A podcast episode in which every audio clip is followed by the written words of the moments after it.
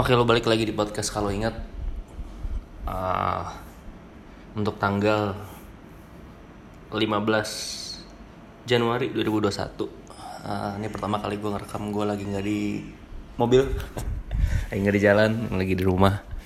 Ini suara gue bergema gak sih? Uh, sorry deh kalau bergema ya. Uh, soalnya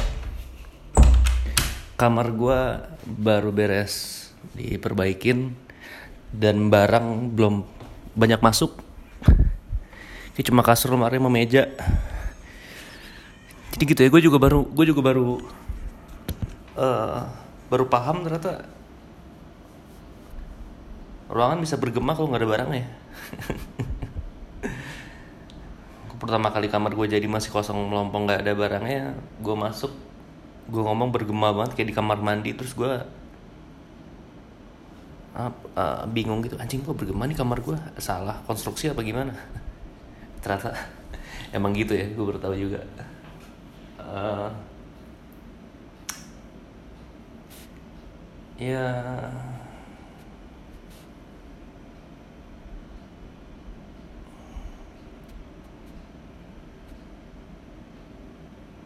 Yang lagi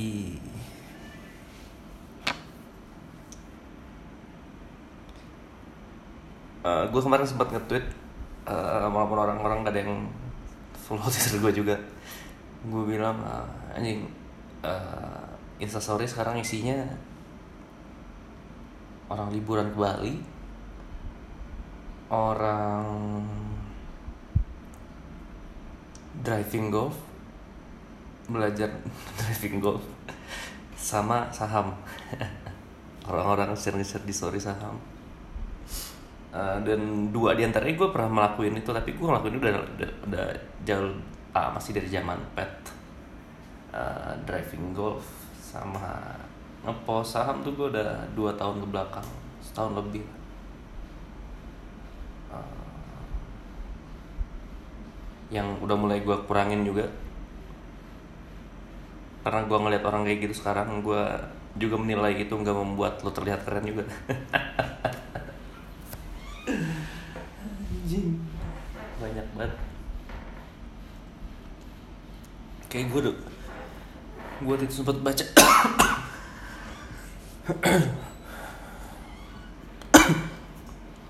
Batuk-batuk gue ayo lo gue sempat gue dulu sempat baca gue lupa kapan ya.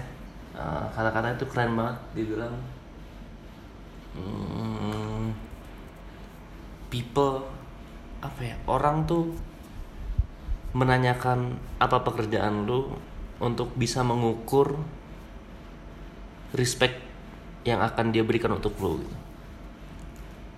Dan itu anjir itu bener banget sih menurut gua. Dan gua secara nggak langsung pun juga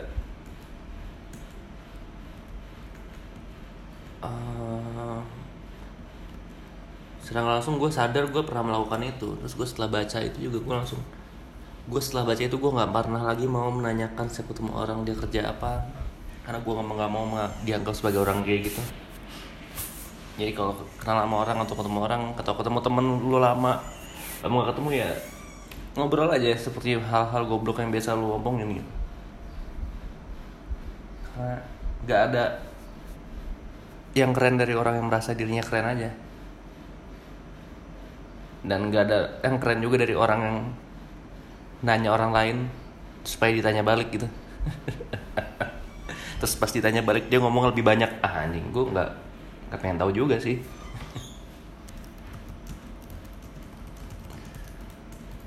Uh, gue lagi cari kata-kata lengkapnya dalam bahasa Inggris. Ah ini dia. People ask you what you do for a living so they can calculate the level of respect to give you. Anjing keren banget kata-katanya. Gue nggak tahu nih siapa yang buat ya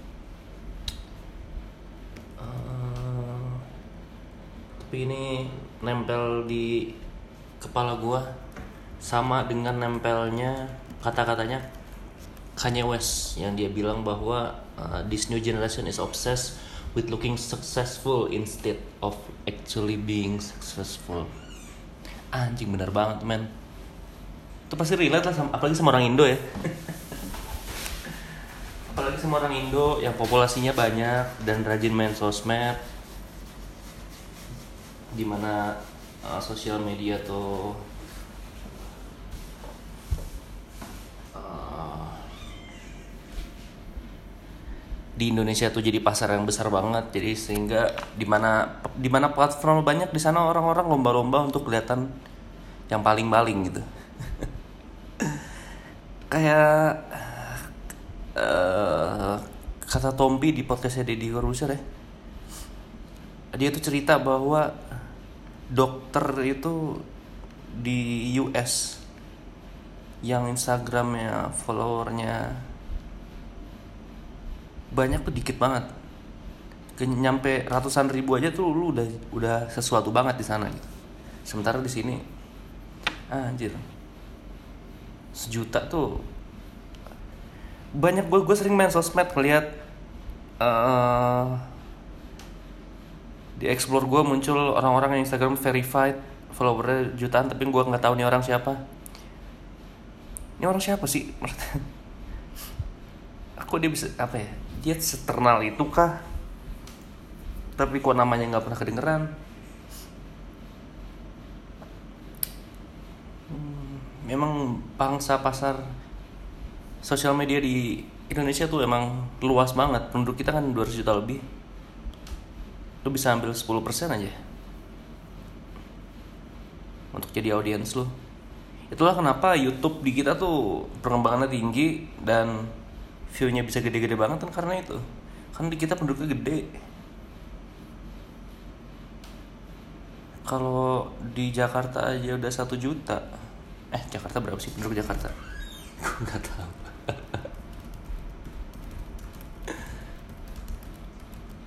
Berapa ya gue sampai google lah.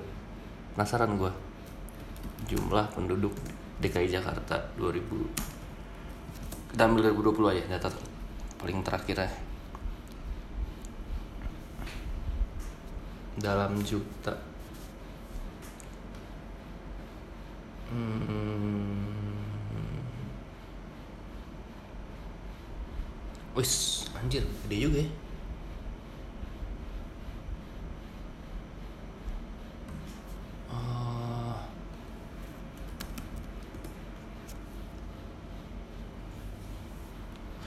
Kepadatan penduduk di Jakarta menurut wilayah Jakarta Pusat 23 oh ini jiwa per kilometer persegi. Jakarta Pusat paling tinggi 23.800 sekian. Jakarta Barat 19.500 sekian. Jakarta Timur 16.900 sekian. Hmm, ya. Anjing baik banget ya. Lu ambil lu bisa ambil audiens lo satu Jakarta aja. Itu kan udah jadi lo kan jadi terkenal banget. Kayak dulu sempet ada zamannya aduh twitter gue sempet gue restart ulang sih karena gue mau nyingkirin following sama follower yang uh, bukan bukan temen gue maksudnya. Yang ya, ya teman sosmed doang tapi di sebenarnya kehidupan nyata nggak pernah ketemu nggak pernah nyapa. Gue sempet bikin beberapa kali tweet gue ngebandingin nggak. Yang pertama kali muncul di kepala gue adalah kenapa orang Indonesia bisa segitu terkenal ya. Follower Instagram bisa jutaan tapi ini orang nggak ngapa-ngapain. Dibandingin sama artis Hollywood yang followersnya dikit banget. Tapi sedunia tuh tahu dia siapa.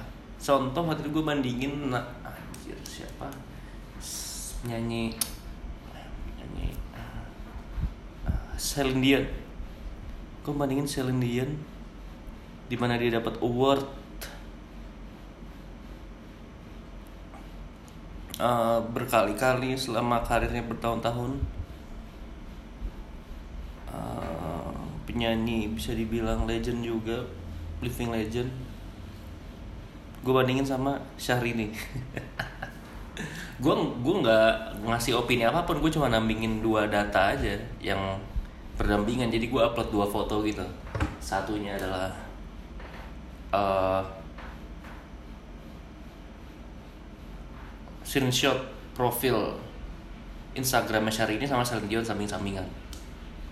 Uh, tapi di atasnya gue bilang asal dia achievement sekian sekian sekian. Uh, achievementnya apa aja penghargaannya apa aja dia punya lagu apa aja.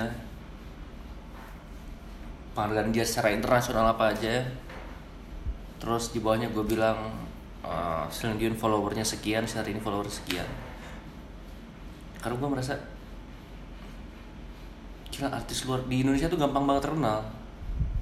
Karena audiensnya banyak. Dan mungkin ya mungkin artis orang-orang di pedalaman Indonesia tuh melihat artis-artis tuh wah sekali kehidupannya.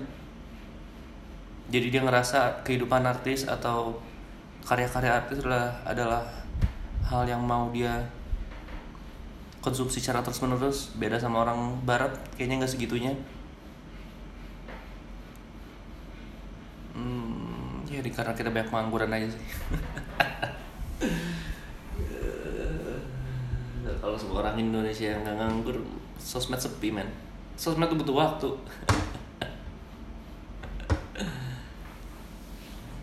Iya itu dia kayak pernah gue bilang gue merasa sosmed paling tepat digunakan untuk tujuan bisnis aja.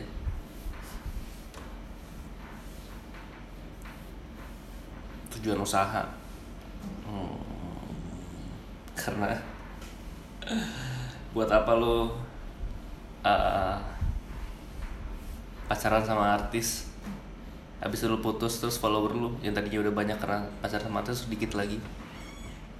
Karena orang-orang ngefans sebenarnya sama pacar lu bukan sama lu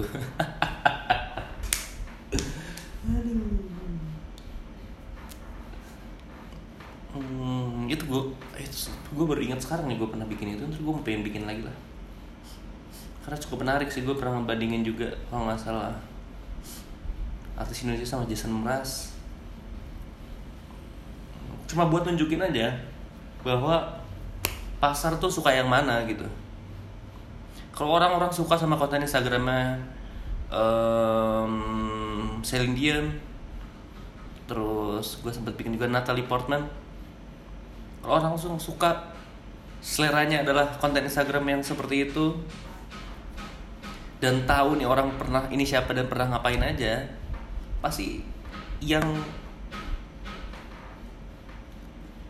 yang jadi konsumsi terbesar pasti harusnya dia ini gitu.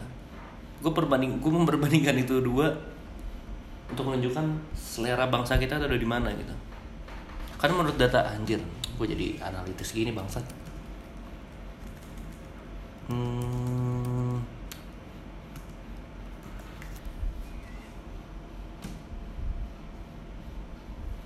data gue menunjukin data pendidikan kita. Peringkat ya.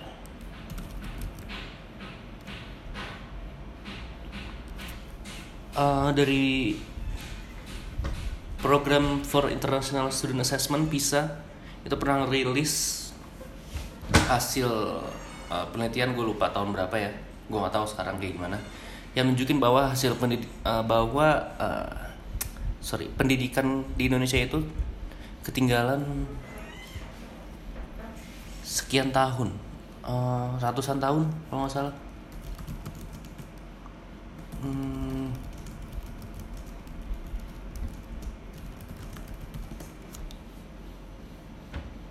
128 tahun ya 128 tahun. Itu data dari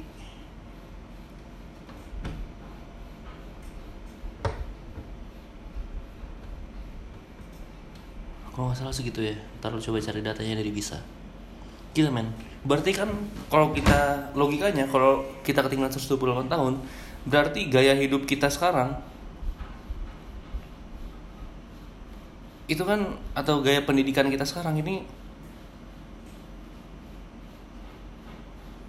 128 tahun yang lalu ada di negara lain ya? Anjir jadul banget men. Kita kalau ngebayangin negara lain keren kita nggak bisa kayak gitu dalam 20 tahun 30 tahun ke depan.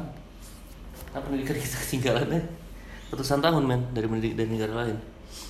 Um, nah ini dia.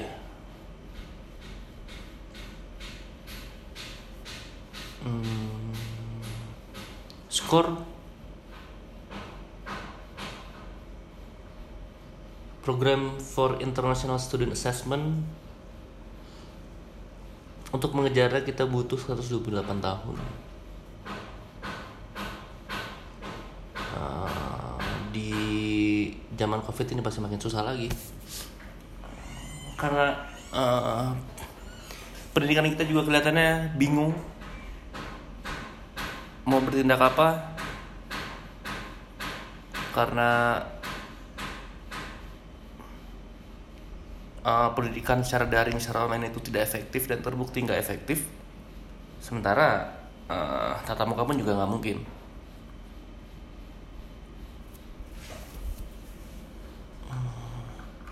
Sedih gua baca baca ini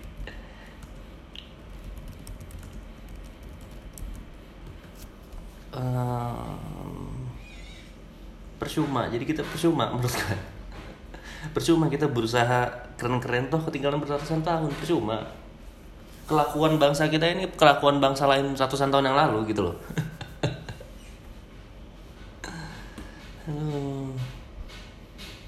Dan kayaknya sebenarnya penunjukan Nadiem Makarim jadi Menteri Pendidikan tuh membawa harapan baru banget buat pendidikan kita ya. Tapi tapi yang seperti yang kita tahu orang pinter nggak bisa kerja sendirian. Kalau sekitar sama-sama aja mah buat apa kan? sama aja. ya. Gue juga merasa kalau gue apa ya? kalau gue jadi Nadiem Makarim gue juga analisa gue ya kayaknya dia udah mulai menurunkan idealisme dia. Karena gue yakin di usia dia sangat muda untuk jadi menteri begitu dia masuk ke kabinet dia membawa idealisme yang sangat tinggi untuk membawa perubahan dan lain akhirnya begitu masuk ah anjing nggak bisa main kompromi gue bisa main kosesannya begini nggak mungkin cuy. Di sekitar gue begini orangnya. Ya